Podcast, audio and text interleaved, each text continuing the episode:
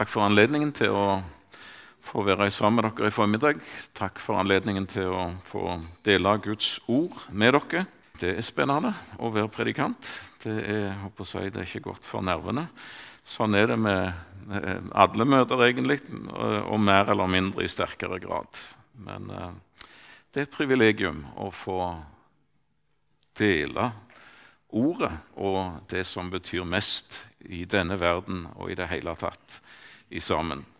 Vel, eh, vi, skal, vi, skal, lese teksten som er oppsatt for i dag, og så skal vi hoppe til 1. Korinterbrev 15. Vi har allerede fått hørt opplest den teksten, så jeg skal ikke lese mye av 1. Eh, Korinterbrev 15. Men jeg har lyst til å koble i sammen de to eh, bibelavsnittene, og så blir det nok helst fra 1. Korinterbrev 15 jeg kommer til å predike.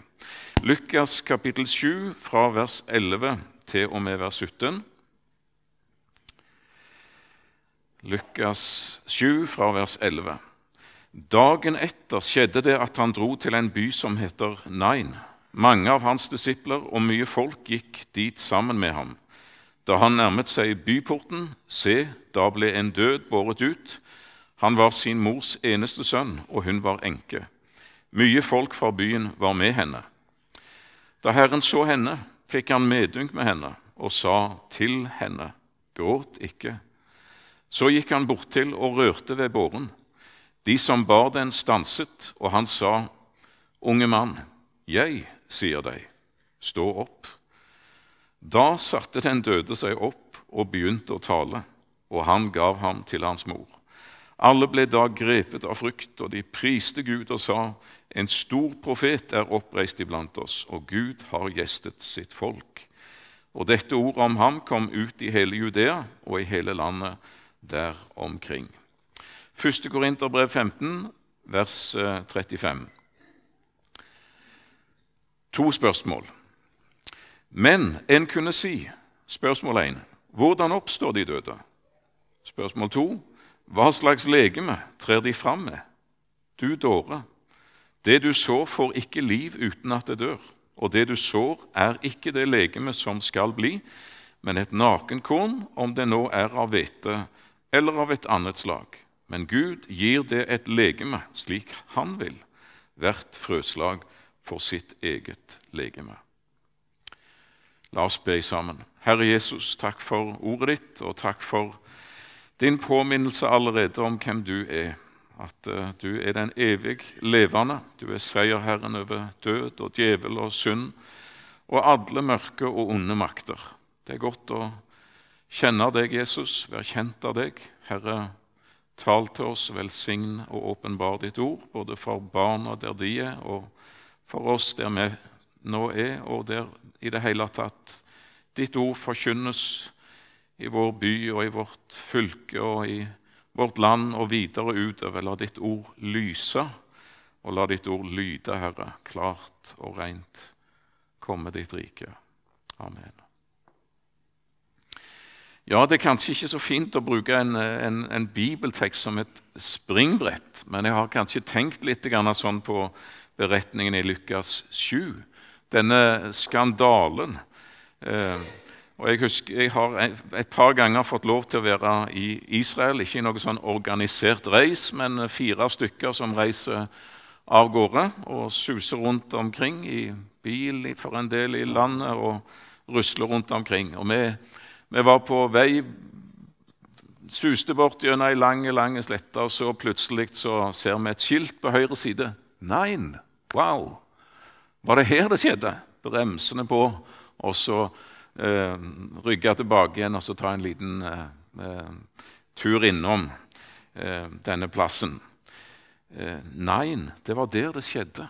Det var der dette begravelsesfølget ble stoppa. Eh, denne fortvilte enka. Først mista sin mann, nå sin sønn, den eneste. Stor sorg og stor fortvilelse på alle vis. Bekymringer, framtid og alt. Og det er mye folk som er i den begravelsen. Og så er det han som griper inn og stanser dette følget. Du kan se det for deg. Røre ved ved båren. Det er han som ligger der og sier, 'Jeg sier deg, unge mann, stå opp.' Og så skjer det utenkelige og det ufattelige og det umulige. At uh, unggutten reiser seg opp og begynner å snakke. Og eh, det står ganske nøkternt, egentlig, på typisk eh, bibelsk vis. Eh, i vers 15. Da satte den døde seg opp og begynte å tale, og han gav ham til hans mor. Det, det er nøkterne ord, men det er klart, de som var der, og de som så det, de glemte det aldri. Og de ble grepet av frykt. Og de tenkte vel, hvem er denne mannen? Hvem er han som har denne myndighet? At han har makt over døden og kan vekke et menneske opp ifra døden.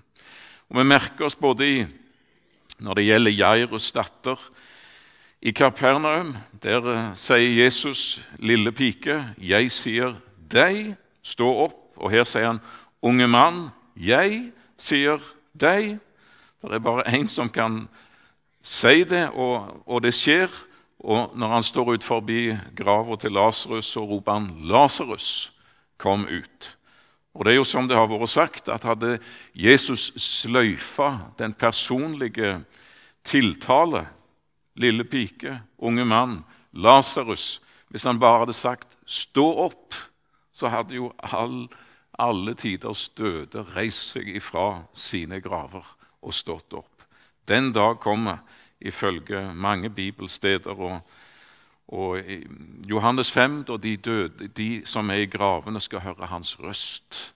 Han skal rope dem ut og fram, han som er herre over døden og overalt. Eh, denne beretningen i Lukas 7 den er altså et tegn. Det er et viktig ord i Bibelen. Eh, den har egenverdi. Hans omsorg for mennesket, for denne enka som han syntes inderlig synd på, men det er òg et tegn. Altså at her er, her er han som er den som har makt over døden. Han som en dag skal foreta det endelige oppgjør med døden og dødskreftene og skal forløse sine ifra alt av dette som er forgjengelig, og dette som er syndefallets realiteter og følger. Han skal tørke bort hver tåre fra deres øyne. Døden skal ikke være mer. Ikke sorg, ikke skrik. Ikke pine skal være mer. Og han gjør alle ting nye for sine. Så beretningen sikter òg utover seg sjøl, til den fullkomne oppfyllelse. Til det som vi penses over på i, i 1. Korinterbrev kapittel 15 og der, eh, som er det store lærekapittelet om oppstandelsen fra de døde i, i Skriften. Det triumferende kapittel eh, med innvendinger og protester og, og, mange ting. Men nå er Kristus oppstått fra de døde. 1. Korinterbrev 15 og vers 20. Og så fortelles det hva følger det får for menneskene òg. At eh, eh det er mange, et ufattelig innholdsrikt kapittel, 1. Korinterbrev kapittel 15. Og liksom alle dør i Adam, står det i vers 22. altså dette, dette er den konsekvensen Jesu oppstandelse får. Slik skal alle også bli gjort levende i Kristus. Men hver i sin egen avdeling, rekkefølge. Én Kristus er førstegrøden. Deretter skal de som hører Kristus til, bli gjort levende ved Hans komme. Deretter kommer enden. Så det ser ut sammenlagt òg med andre av Bibelens vitnesbyrd om døden at, eh, og dødens oppstandelse, at den vil foregå i forskjellige avdelinger. Den første kapittel og den eh, første grøten er allerede i hus. Første avdeling eh, er allerede effektuert. Jesu oppstandelse. Og så er det de troendes oppstandelse ved Jesu komme og forvandling av de som lever i dette øyeblikk. Og så kommer det òg en endens oppstandelse, og det skilles imellom disse. En, en oppstandelse som det står om i Åpenbaringen 20, ikke sant? Når, han som sitter på tronen, og for hans åsyn viker jord og himmel bort, og det blir ikke funnet sted for dem. Og jeg så de døde stå for Gud, små og store står der, og bøker blir åpna, osv. Og, og de døde ble dømt etter det som var skrevet i bøkene, etter sine gjerninger. En atskilt avdeling, men det gjelder altså både de troende, at de skal oppstå i sin bestemte avdeling, og det gjelder òg en domsoppstandelse, der òg de ufrelste skal oppstå til dom ved enden. Um, En forstår vel det i 1. Korinterbrev 15 at uh, det er noen innvendinger imot, uh, imot uh, dette med tanken som ligger under dette kapittelet, med de helliges oppstandelse ifra de døde. Og Vi vet jo at i den gresk-romerske tanke og gudelære og kultur i det hele tatt, så var det en, rett og slett en utenkt tanke, og dermed en aldeles utenkelig og umulig tanke at mennesket skulle oppstå fysisk, legemlig. En snakket gjerne, både Platon og co., om sjelens udødelighet. Og så snakket en om, om, kroppen, det stofflige, som det mindreverdige og skrøpelige og timelige, som varer ei stund, og så er det over og ut. Og så er det sjelen og ånd som altså består, og som strekker seg ut over det, det timelige. Så når Paulus f.eks. på Areopagos, som det står om i, i Apostlenes gjerninger, kapittel 17, taler om, om Jesus og hans oppstandelse, og at det òg betyr at det er en fysisk og legemlig oppstandelse fra døden av mennesker Selv om han er midt iblant intelligensiaene i de store tenkeres høyborg i Aten og Areopagos, altså filosofiens arnested, så blir han simpelthen ikke forstått. Hva er det denne pratmakeren snakker om, spør de i vers 18. Ja, Det er visst en som forkynner noen fremmede guddommer, blir det svart. Det var fordi han forkynte evangeliet om Jesus og Anastasis. Eh, og Det som vi går glipp av egentlig der på, det er vel dette spelet på grunnteksten, der folket altså oppfatter det sånn at eh, det er to nye interessante guddommer til det er allerede rikholdige gudegalleri, og det er helt ok, for det hadde alltid plass til noen nye. Og dette var nytt. Det var en viss Jesus og hans kone Anastasis. Oppstandelsen. Og når det så demrer for dem i vers 32 Aha! Det er ikke kona til Jesus, men det er altså en fysisk oppstandelse fra de døde. Da deler reaksjonen seg. Da er det mange som spotter og noen sier vi vil gjerne høre tale mer om dette. Men det var en, en utenkt tanke. Legemets oppstandelse ifra døden.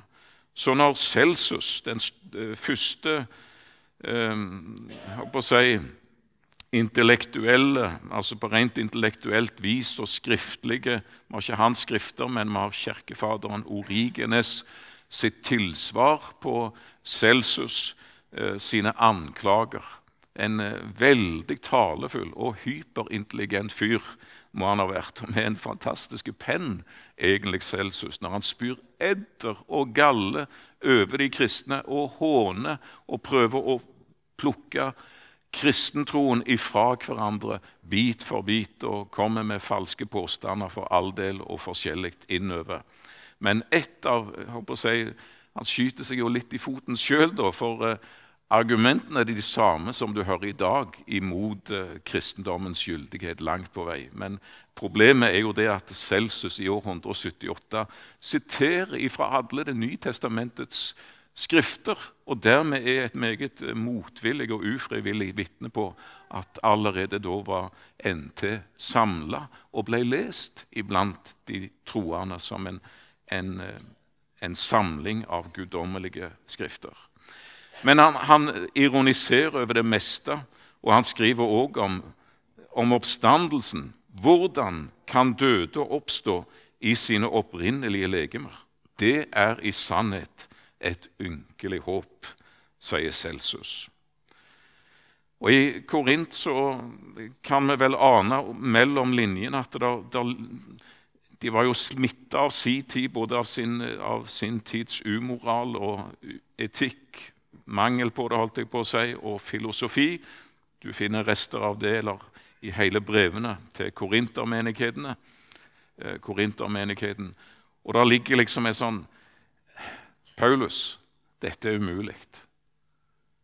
Hvordan kan du preke at, eh, at, de døde skal oppstå igjen, og at eh, mennesker faktisk skal kunne reise seg fysisk opp? Hvordan skal martyrene, som altså er tilintetgjort, de som er spist av løver og villdyr, de som er oppbrent på bål, og mennesker som har ligget på havbunnen i, i århundrer, og mennesker der er ingenting tilbake av Det er umulig, og det er utenkelig, Paulus, at uh, at de skulle kunne oppstå fysisk, legemlig. Det går bare ikke.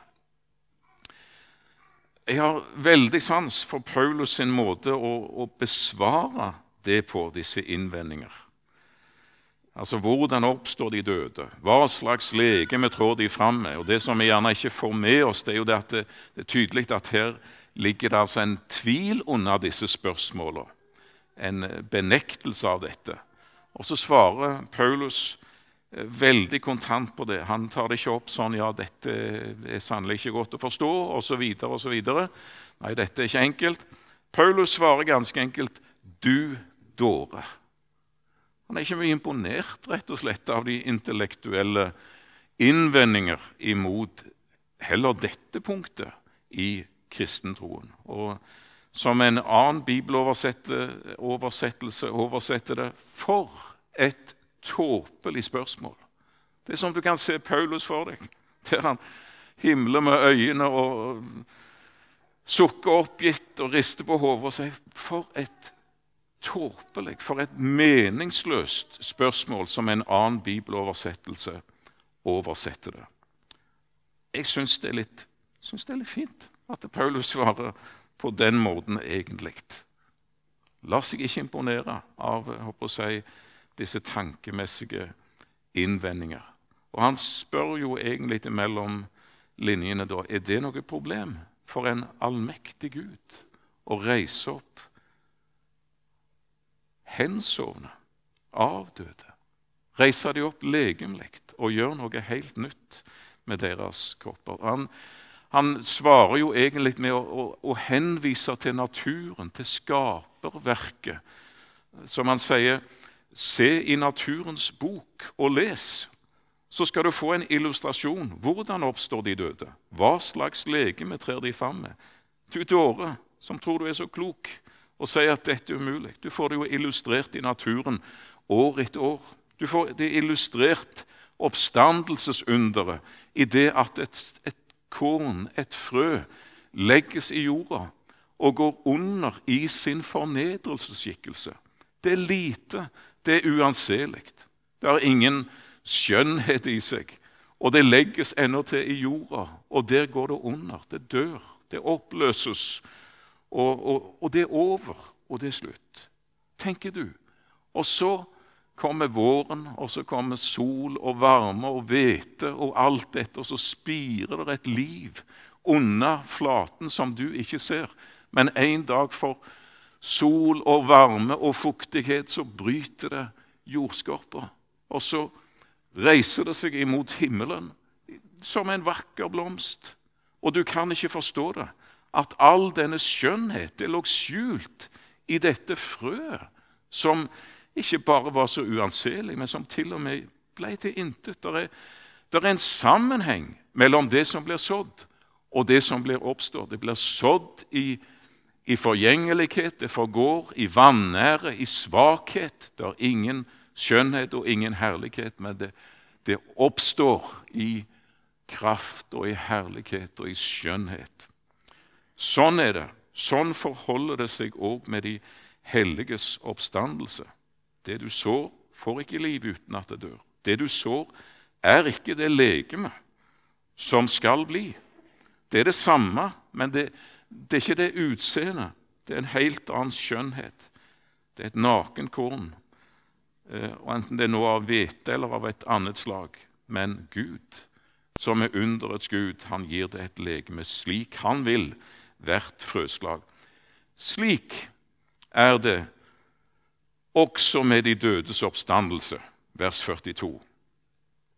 Sådd i forgjengelighet og oppstår i uforgjengelighet. Sådd i vanære, oppstår i herlighet. Sådd i svakhet og oppstår i kraft. Det blir sådd et naturlig, menneskelig, forgjengelig legeme. Men det oppstår et åndelig legeme. Og så sant som det finnes et naturlig legeme, like sikkert som du kan klype deg i armen og kjenne at eh, jo, jeg har en kropp, og jeg har en arm, og jeg har alt dette, så skal det òg oppstå igjen. Men i en annen kvalitet, i en annen skikkelse, i en annen herlighet. Altså et herlighetslegeme tales det om, et åndelig legeme, et uh, himmelsk legeme. Det er spennende. Og når Jesus gjør skandale først i Nain og stopper dette begravelsesfølget og forstyrrer ei enke i hennes fortvilelse og sorg, og endatil stoppe fysisk denne båra som er på vei. Eh, og når han vekker opp denne gutten, så er det et tegn. Men han vekker bare opp et fornedrelses- og forgjengelighetslegeme. Det er ikke det fullkomne, men det peker utover seg sjøl. Vi har ikke verken denne unggutten iblant oss den dag i dag, og heller ikke Jairus datter, og vi har heller ikke, ikke Lasarus iblant oss. For det var, det var en midlertidig reparasjon, og de levde sine menneskelige liv. Eh, og så gikk de i sine graver igjen. Men det peker fram på noe større. Eh, den lune danske humorist Storm P. Det er mulig jeg har sitert det før en eller annen gang. Eh, han sier det sånn i en sammenheng. Eh, nå til dags kan vi få alt borgerlig. Vi behøver ikke la våre barn døpes. De kan navngis borgerlig. Vi behøver heller ikke å la dem konfirmeres i kirken. Vi kan få dem borgerlig konfirmert og de kan bli borgerlig gift hos borgermesteren, nemlig.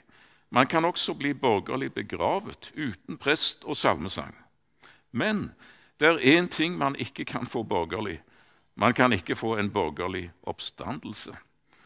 Ja, det skrev Storm P i sin tid. Da må det en allmektig Gud til. Da må det en allmektig Gud til. Og det er no problem for han, sier Paulus. Du du dåre, for et tåpelig spørsmål. Han er allmakten, så han er underets Gud.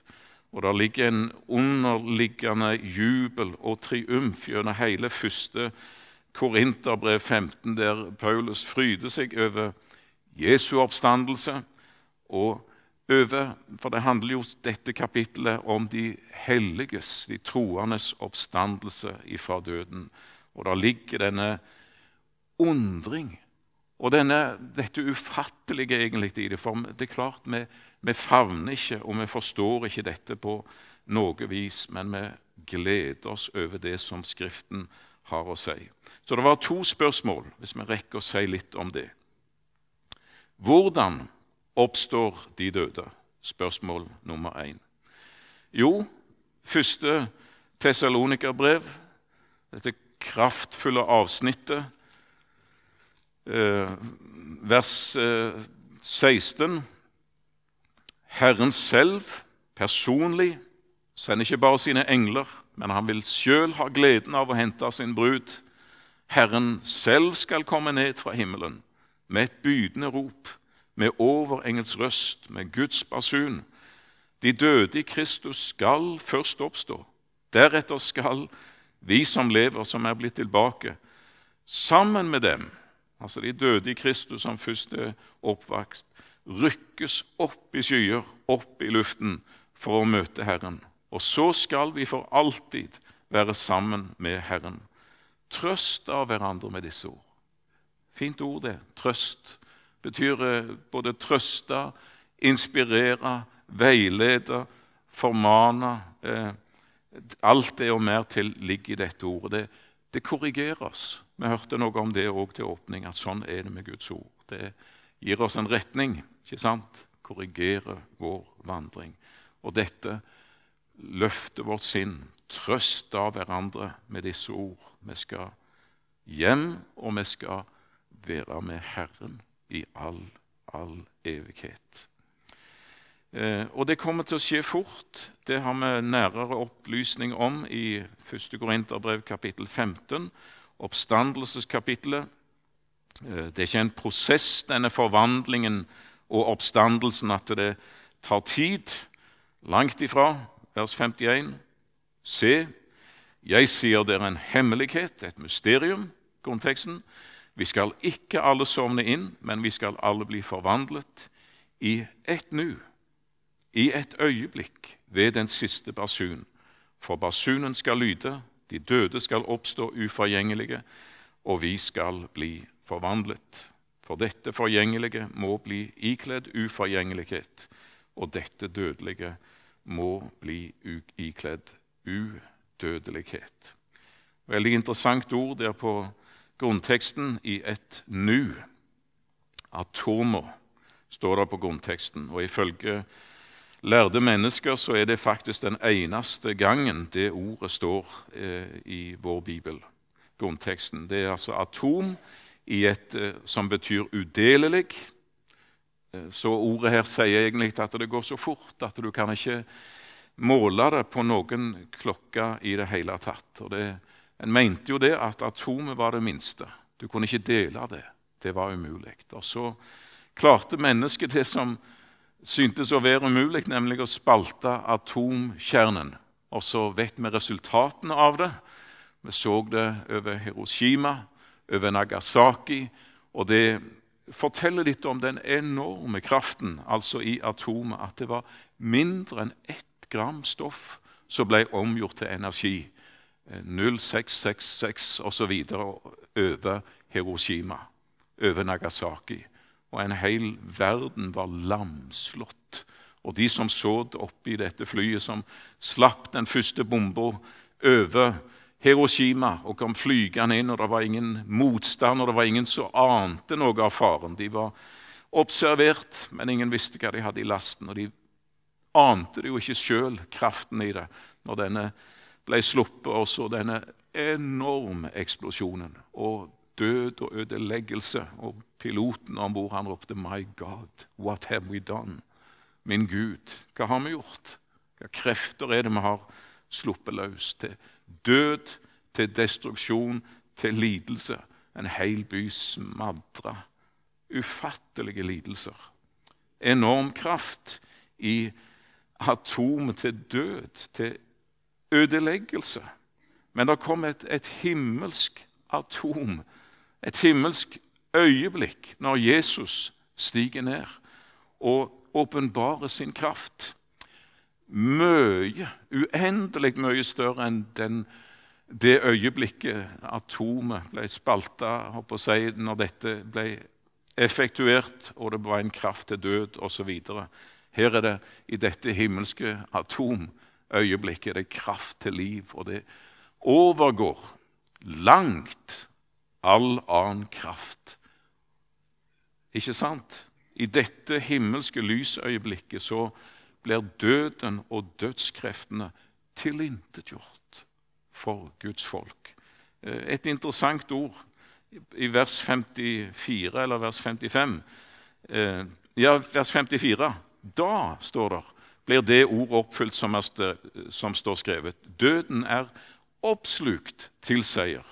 Og det er nettopp oppslukt det betyr.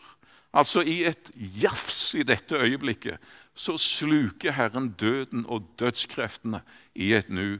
Og det er ingenting tilbake igjen av det.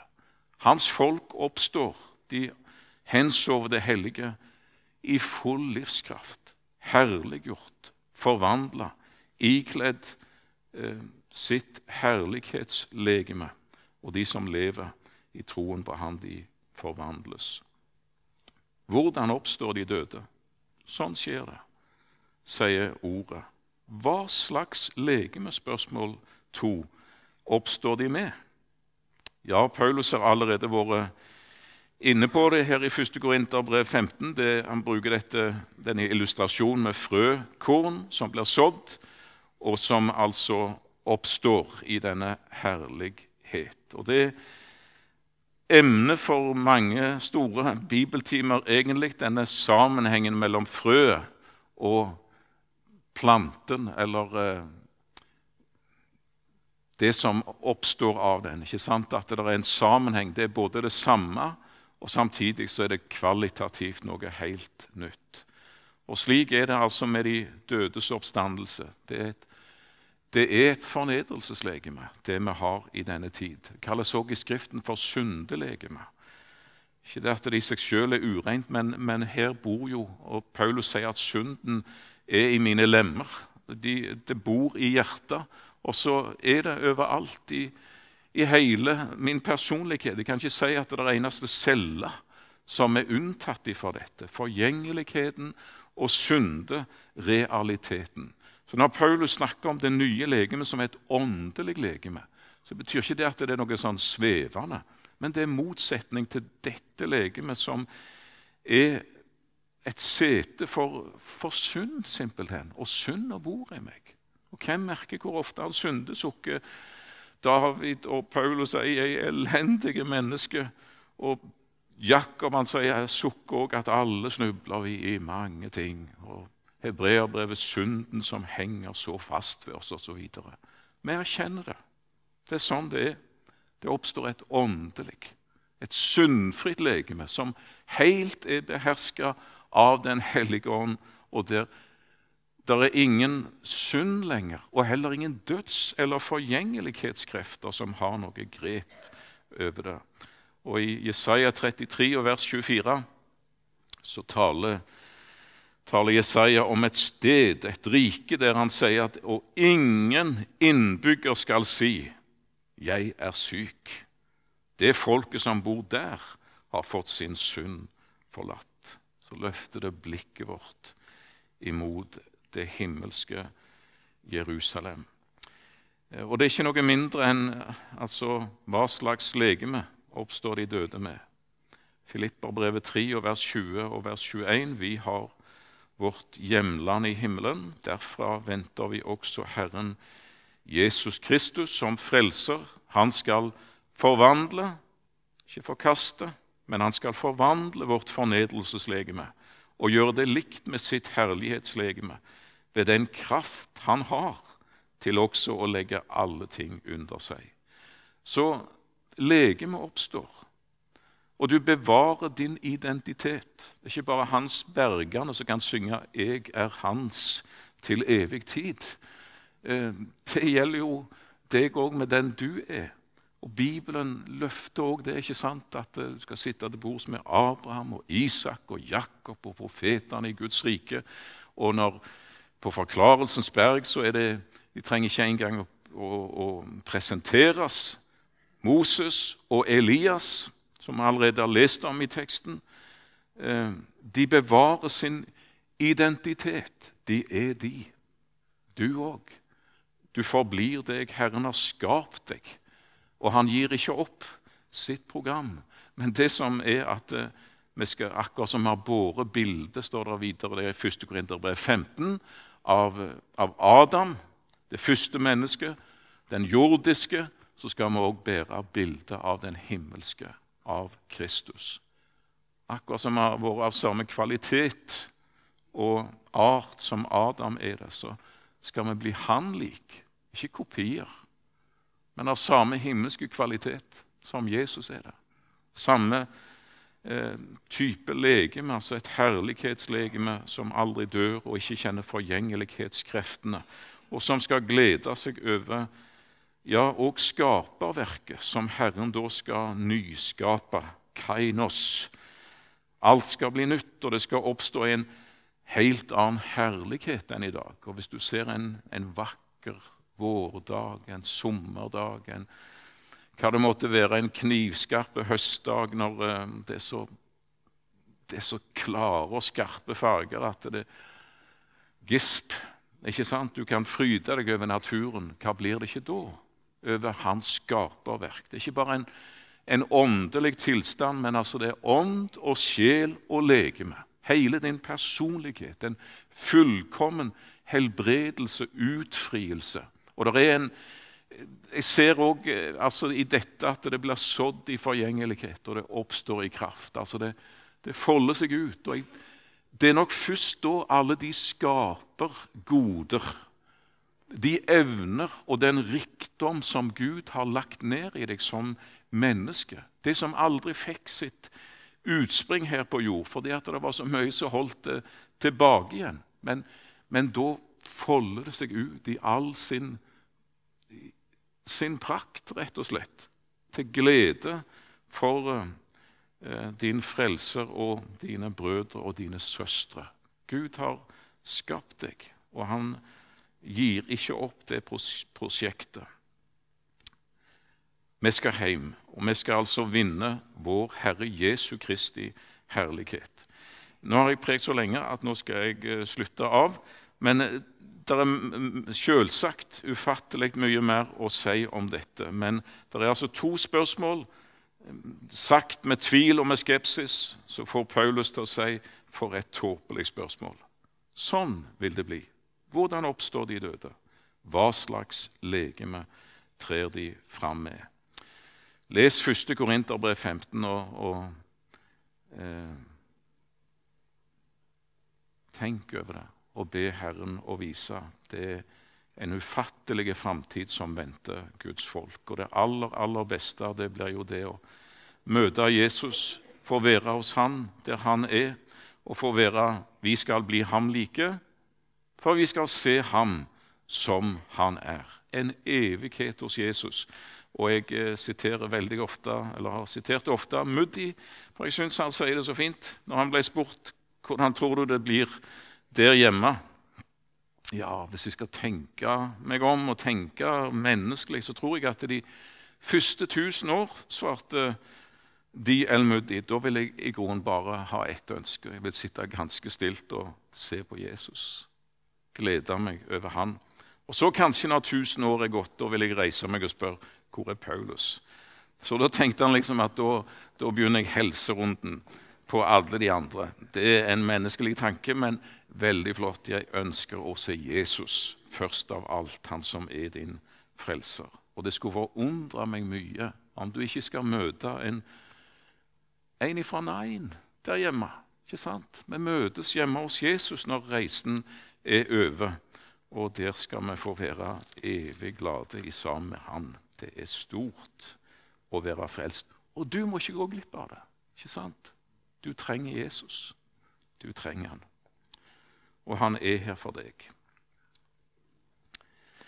Jesus, vi takker deg for så stor en frelse.